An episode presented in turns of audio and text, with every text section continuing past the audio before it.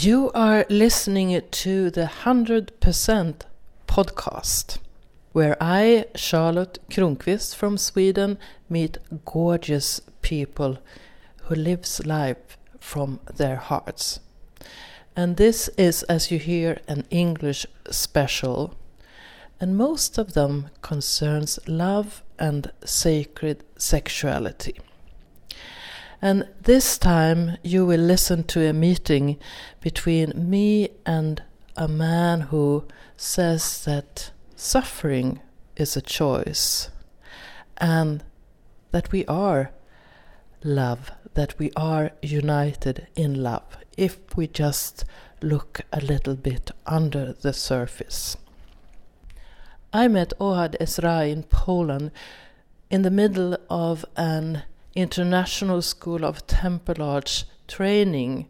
The training is a week long experience where the participants dive into sexuality, spirituality, and shamanism to heal sexual wounds and to get more in contact with themselves. So we're there in Poland talking, and you can hear some noises in the background due to this special situation. Welcome to listen to Ohad Ezrahi in Poland. I'm in Poland and I'm in Kiko together with Ohad Ezrahi. And I'm so happy that you want to do this talk with me. Thank you. And I'm not from Kyiv and I'm not from Poland. and you're from? I was born in Israel and um, raised there, but today I'm traveling around this beautiful planet and facilitating workshops of sacred sexuality and shamanic sexuality. So I'm from planet Earth. And what's your passion in life, Ohad? Right now, my passion is, as I said, um, sharing with people the beauty of the empowerment that comes with releasing a lot of shame and guilt and fear and preconceived ideas and victim consciousness from their sexual life and really claiming back their power and their their freedom. And uh, for me to see people it's like popping up cracking the the shell and looking around and it's like oh wow this is me. I never knew that this is me. And and becoming an individual empowered not controlled by system not controlled by parents ideas marriage ideas uh, state ideas nationalities all these kind of ideas and really stand as, uh, as love and freedom and power in the world it excites me. So I go from country to country and I teach or share, invite people to their own power, and really enjoy seeing when they what happened to them. You know, during the week of of our training, and also seeing them after a year and many many tell me well this was just a year that was it feels like a whole lifetime what happened to me this year is like you know didn't happen in 20 years so the growth that is happening for people is exciting me a lot. So do you consider yourself as a free being? Yes. And was there like a defining moment when you like turned on onto this journey in your life? Uh, there were many moments. It's it's not like a. I didn't ever did a ninety degrees turn. I did a curve from the age of three that I remember myself, you know. So it's like slowly, and the curves went through nature and then through spirituality and uh, shamanism and Buddhism, and then I immersed myself for many years in Kabbalah and Judaism. I became a very religious person. I was a rabbi. I was a teacher in Orthodox uh, yeshivot, which was study places, and teacher of Kabbalah for many years, many years. Wrote books, da da da, and and and then came the turn to to go towards the sexual secrets. Actually, from my interest in Kabbalah, it actually showed me some of the secrets that I just had to change my life to meet my realizations and and then over a turn of several years, I each time I became I just shed off skin, shed off skin, shed off skin, until I came to a point in which I felt like you know what, life is simple. I remember when life was complicated, and I can say today life is simple. I know in a year or some years maybe be, uh, even more simple and more free, but but I, I feel pretty free. I'm very very happy uh, in my life and uh, feel free to. Yeah, there was a. I, was sitting in a in a in a lecture in uh, in the conference that was in Krakow uh, last weekend, and and some woman um, lectured, and she asked the people, "How would your love life and your sexual life would look like if you were completely free?" To do what you want and you know to be completely free. And i looked i really considered it and i was like exactly as it is as it is today. I actually feel completely free to express myself my sexuality my love my freedom my expression. Uh, i don't feel that anyone is oppressing me.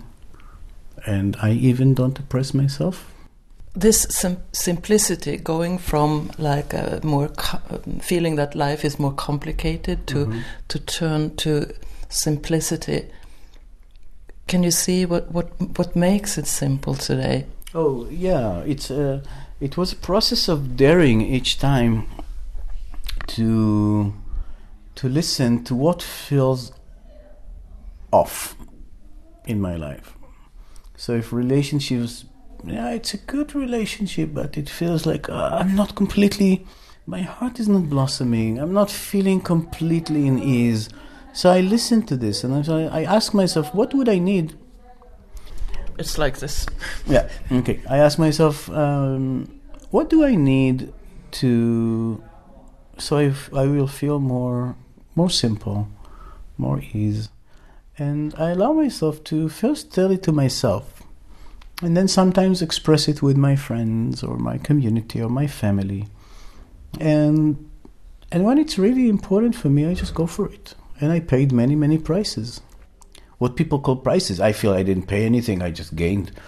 But yes i you know i had to leave communities i had to leave jobs i had to leave um, a marriage of 18 years i had to leave all kind of things but i never felt like a, um, a victim of any circumstances. Like, yes, I'm making myself free from things that were not accurate to me until I came to a place that I feel I actually lived the life of my dream. So it's simple. it seems to me like you describe abundance. Yeah, I'm very, very abundant. Uh, I feel very, very rich. Uh, not with money. I have enough money, but I don't. I don't consider myself rich with money, but I'm rich with love. I think it was Bob Marley that said, "A poor person is someone who all that they have is money." yeah. Yeah. So, yeah, I have enough money. It's it's okay. But uh, I'm completely rich with connections, human connections, love, uh, honesty, sexual expression, artistic expression, friendships around the world with people, community. I have a beautiful community in Israel. This is like my my uh, how do you call it mothership, uh, like you know the place that I come and go from. So yeah, completely abundant. Uh, yeah, I'm very grateful for that. I have uh, not really been in Israel. I've been in Eilat once, and, mm-hmm. and I've been in Lebanon once, and mm-hmm. so on. But it seems to me that you have you're starting like uh, there's a ISTA tribe mm-hmm. there, and uh, and you are kind of in the center of that tribe, or there is no center. I'm I'm I'm the teacher of um, or most of the people, maybe not that teacher, but all of them studied with me. Let's put it like that. Went through a process with me, and uh, um, yes, there's ISTA, uh, International School of Temple Arts. Um, we brought it to Israel some years ago. My wife actually was the Dawn, my beloved, was the one who actually brought it first time. And since then, in the last five years or so, there are hundreds of people going through the trainings. And maybe because Israel is such a small place and Jews are like kind of a tribe with tribal uh, consciousness in the good, also in the good side of that. So people connect. So it's not like individuals that did the training, but a community was created of, and, and each each time that uh, another 20, another 40 people make the do the training, either of ISTA or the course that I, I'm teaching uh, with my beloved, uh, it's called Temple of Love. It's a longer course than the week of ISTA. It's a month and a half. So people join the the tribe, and and it's a celebration because people have this, uh, they share this um, language of freedom and respect to boundaries of each other and respect to the desires of each other. They don't shame each other. There's no shaming. There's no gossip. I mean, the human beings, of course, so everybody falls into gossip, but they call each other on that. Yeah, so Israel is a complicated place, and there is a lot of political tension, and a lot of hatred, and a lot of contraction and we are being ruled by uh, I mean the government is um, right wing and stupid. I mean some some right wing people can be also intelligent, but we're we don't have the intelligent right wing. And and it's basically run with a lot of fear. There is a lot of fear between Jews and Palestinians and stuff like that. But we play in a different playground. Uh, in the middle of all this, there are hundreds and thousands of people that are actually choosing to play in the field of, of love. Of course, the media is not looking at us, and we're not we're not consumers of the media, and they're, and they're not reporting on us. But if you come to Israel, yeah, I mean, what happened to people that come to this level of Israel is the, some of them just feel they want to move there it happened to several people from ISTA, actually, from international, you know, from amazing places, from people from New Zealand, from uh, Europe, from Africa, from America. So it's coming, it's like, wow, this, there's so much love here and so much connectedness and so much a feeling of family and support. And so people stuck there for years. and, and to me, it, it, it feels like it's so heartwarming that it that this happens in a place with so much uh, yeah Conflict. conflicts Yeah. around and to like it's an alternative Mhm. to to choose ch- choose what we're conditioned to or what we're learned to or what we are told Mhm. all the time by a stupid government or Yeah, and we are fortunate also to have. Uh, it's not. I mean, ninety percent of this community are Jews, but we have also Palestinians and Arabic people with us. It's it's more difficult for them to begin with, even to come to come to a sexual awakening uh, workshop. It's not completely in their culture yet, but several people came and they were completely welcomed, and they're welcome and, and they're part of the community. And I mean, this community is like doesn't give a shit about you if you're Jewish, you're Arabic, you're whatever. You're a human being. Welcome. Yeah, it's a. I mean, to me, it's a mystery how we can like create physical like boundaries and say this is your land and this is your land and we should fight for our land. It's it's it's like a an an idea that is strange. I mean, if you look at the Earth from a little distance, Yeah, Uh, I, saw a caricature some days ago, a funny one, uh, like uh, uh, aliens sitting in a in a spaceship and they're looking down and you see Earth with bombs and you know, and they're saying they're fighting with each other about whose religion is more peaceful. Yeah, and and there I, I think that that communities and trainings and stuff like International School of Temple Arts or like you and Dawn do is like a peace movement. It is a peace movement. Yeah, I, I actually I was very involved in the peace work, and um, I kind of moved aside from peace work that usually doesn't create much peace into love work. Love work creates peace. so it's like you know not talking about the political issues. Let's let's talk about really what's because under the political issues there are usually unresolved love issues, unresolved sexual issues. I think many of the people who go to to war are sexually frustrated.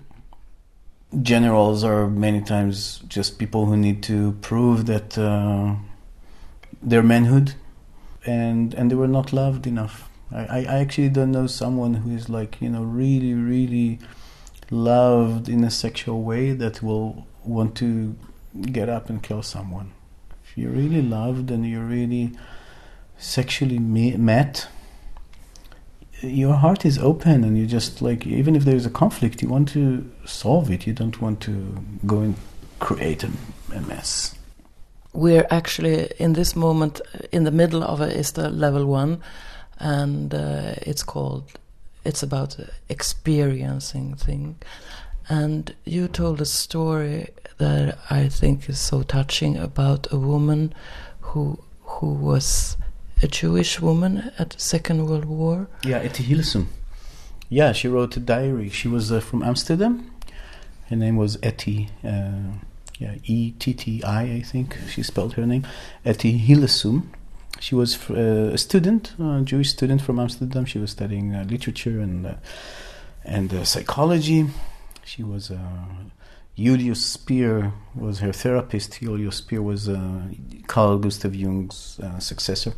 So, and then she, she started a relationship with Julius Spier. She was 24, Julius Spier was 55, I think, or something, and they had a, uh, also a love relationship. Anyway, she wrote diaries, and um, starting in, I think, in 1940, and it was published. Uh, she was she was eventually murdered in, in Auschwitz. She was sent to Auschwitz, but her I mean the core of her thing is that she went through a process of enlightenment, of realization of her freedom as the Nazi occupation started to crawl and uh, and the Holocaust situation started to come up to her until she was all her family, including her were murdered, but she always chose to see herself not as a victim, but as a free human being.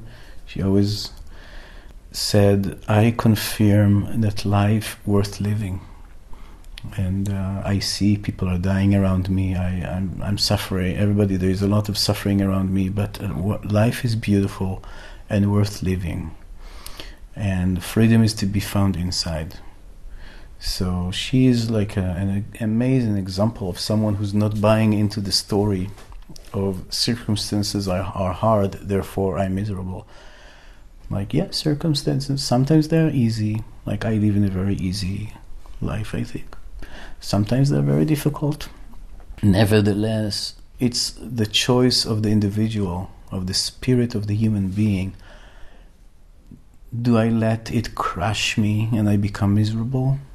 or I see that I'm free to interpret, to, to make the interpretation of my situation and to stand with a free spirit and to choose life and to choose love to choose love and she she was actually looking with love even to the Nazi soldier that was barking at her and she, she she's writing I mean he was barking orders and I just looked at his heart I just saw this this wounded child inside and it was like and I had compassion towards him so she didn't even say anything to the Nazi soldier. She just saw this as a human being.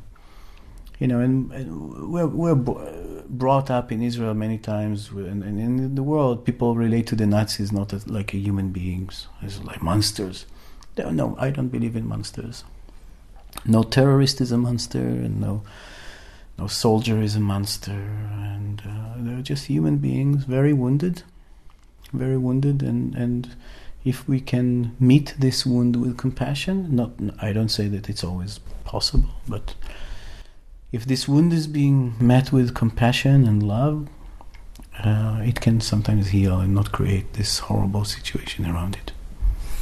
And to me, since it's like close to me Mhm. in this moment, I feel that this is kind of part of the core of the teaching here that we can choose freedom. Every human being, we can choose something else than saying the world is stupid uh, and I am a victim. Yeah, choose the choice is whether to be a victim or not. So freedom is not, you know, whether I'm sitting in my palace or I'm sitting in jail. These are circumstances. And I might be a, thin person and a fat person, or uh, you know, a man or a woman. And this, these are circumstances. The question of am I free is am I awakened with my spirit inside? If I'm awakened with my spirit, so I can be free in jail. I might be sitting in jail, and still my spirit is free, and I know that you know every experience is is a vibration of life. Pain is not suffering. Suffering is an interpretation of pain. Sometimes we pay for getting pain, right? Uh, you, uh, you go to the dentist and you pay them because and you think, oh, it's a good thing. Uh, and of course, there's there's pain, or or you go to I don't know, like a really hot sauna, and the, the sensation is sometimes painful, but you enjoy it because your interpretation is of a good one. Uh, you could go and interpret with a different interpretation and feel like, oh, what's happening to me? It's too hot, or whatever it is. The suffering is an interpretation of pain. Pain is a sensation. So, for instance, when I go to the dentist, and I, I usually try to go with no, no, um, how do you call it, um, anesthesia, not anesthesia, uh, that you know, the the painkiller or something like that. You Uh, feel it. Uh, I want to feel as far as as, as much as I can, um, and and then I go to the feeling and I just speak. I, I use it as meditation. For me, the chair of the dentist is a meditation chair, and I go into meditation of relaxing my muscles. I see that my my shoulders are, t- are tight, so okay, relax the shoulders, relax, breathe. Okay, there is pain. Just feel the sensation. It's not suffering. It's it's a sensation. Hmm, it's an interesting sensation. And then you find sometimes that pain and pleasure are sensations. And the whole response, the whole chemical response of the body changes. So to Yeah. learn to divide the sensation from how we the interpretation of yeah, it. yeah. Not to buy into the, the interpretation of I'm miserable. It's an it's a story. Usually, people like the story of being miserable. That's the other th- side of things. Is like people like to be miserable because they have a lot of benefit from that. If I'm miserable, I you know I speak with people about my suffering, and they they have a lot of empathy towards me, and they even let me they give me all kind of goodies because of that. Uh, so I get all kind of benefits, social and sometimes financial. And if I'm a nation and I say that I'm a victim, so they will even give me some kind of permission to be violent towards my enemies because you know, poor me, you know, I'm, I'm a victim. So being a victim is a is a very wanted thing. That's why you know the Israelis and the Palestinians are actually competing in the world uh, in the world championship of like who's who's the victim here? Because they know that the, the one who will be recognized as the victim gets benefits. Choosing not to be a victim is actually saying i'm not longer interested in the benefits of being a victim. Whether it's a nation or whether it's an individual. I cannot be a victim or i can st- stop being a victim only when I truly say honestly, I'm not longer interested in the benefits of being a victim. Then I can look at my situation and say, like, I'm not a victim of this situation. I might change it, or I might change my approach. By changing the approach, I've, I've seen it many times. You change your approach, you change your story, and sometimes a miracle happens and the outer circumstance is changing as well. because you're vibrating a different vibration. You're not vibrating a vibration of a miserable person. You're vibrating a, a vibration of a, a loving, a free human being. Then guess what? These these energies want to be with you. Have you had that kind of miracles in your life? Oh, uh, definitely, all the time, all the time, with myself and with uh, students and and friends, a lot of them. Yeah. So, what is love to you? What is love? Love is not an emotion. Love is a state of being. And it's a state of being of recognition of oneness, of all things. And there is the emotion of loving that is, you know, coming and going, and there's the falling in love, which is a a beautiful thing of projecting our inner masculine and feminine onto another person and uh, fooling ourselves that uh, they are the perfect person for us for a little while until the until we wake up and we see that they're just a human being. But love in the essence is the consciousness of and the awareness of the oneness of all things so I think you know Jesus, uh, who was a, a, good Jewish teacher uh, of spirituality, said, "Love your enemy."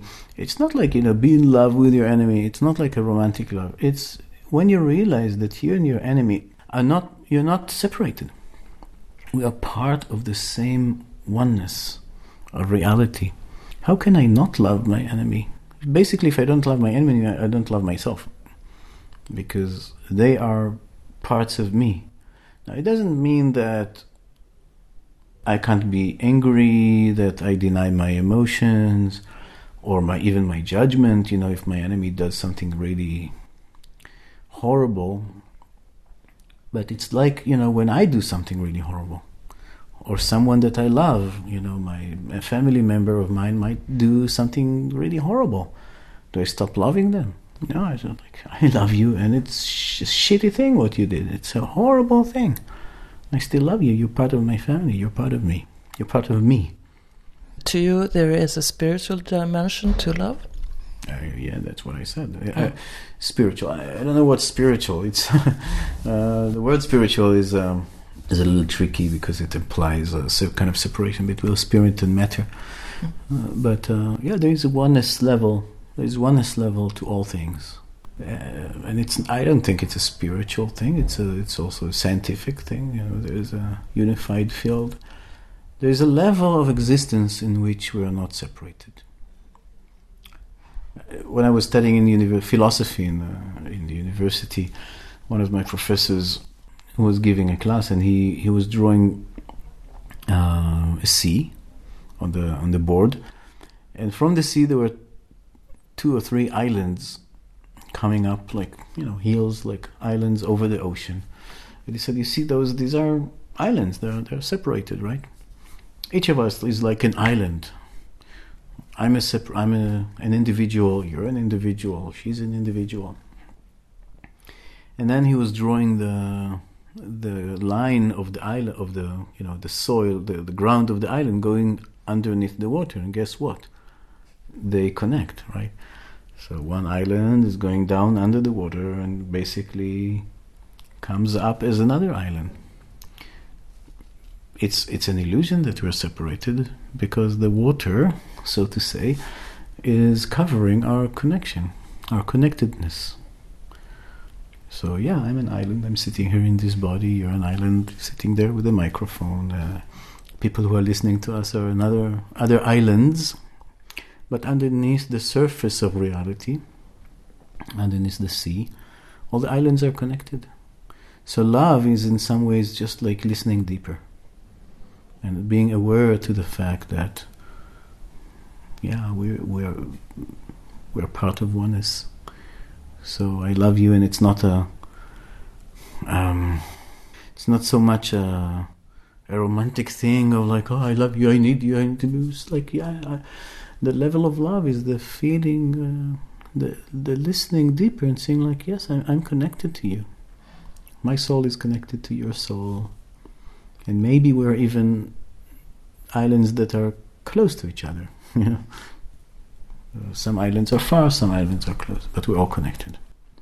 Let's say a, person listening to this is doesn't feel that he or she has so much contact with love. What could be some little step that person could take to get more in contact? Usually, there is a yearning for love. If there is a yearning for love, so listen to this yearning. Otherwise, you're happy. You don't have love, but you're you're happy. So you know, if you're happy, that's good. but if you're not happy, that means that something in you says that oh, I, I don't have something that I want. But guess what? Because you feel this yearning, you actually know what you're missing. If you know what you're missing, you actually have approach to it because you know it. It's in your system. So the first step would be really listening to this yearning and allowing the feelings to come and allowing the emotions to come. And sometimes sadness will come and, and tears will come and allowing it to move through not to buy into any story just like to move to move through this and see like so go with the yearning and what would it be? It would be maybe wanting to connect with friends. Go connect with friends. And then you sit with friends and and there's a small talk which is you know kind of people afraid of each other so they speak things that mean nothing. So the yearning would be hey i want to connect. Let, let's talk about something meaningful. But then there will be fear like oh i'm afraid to expose myself.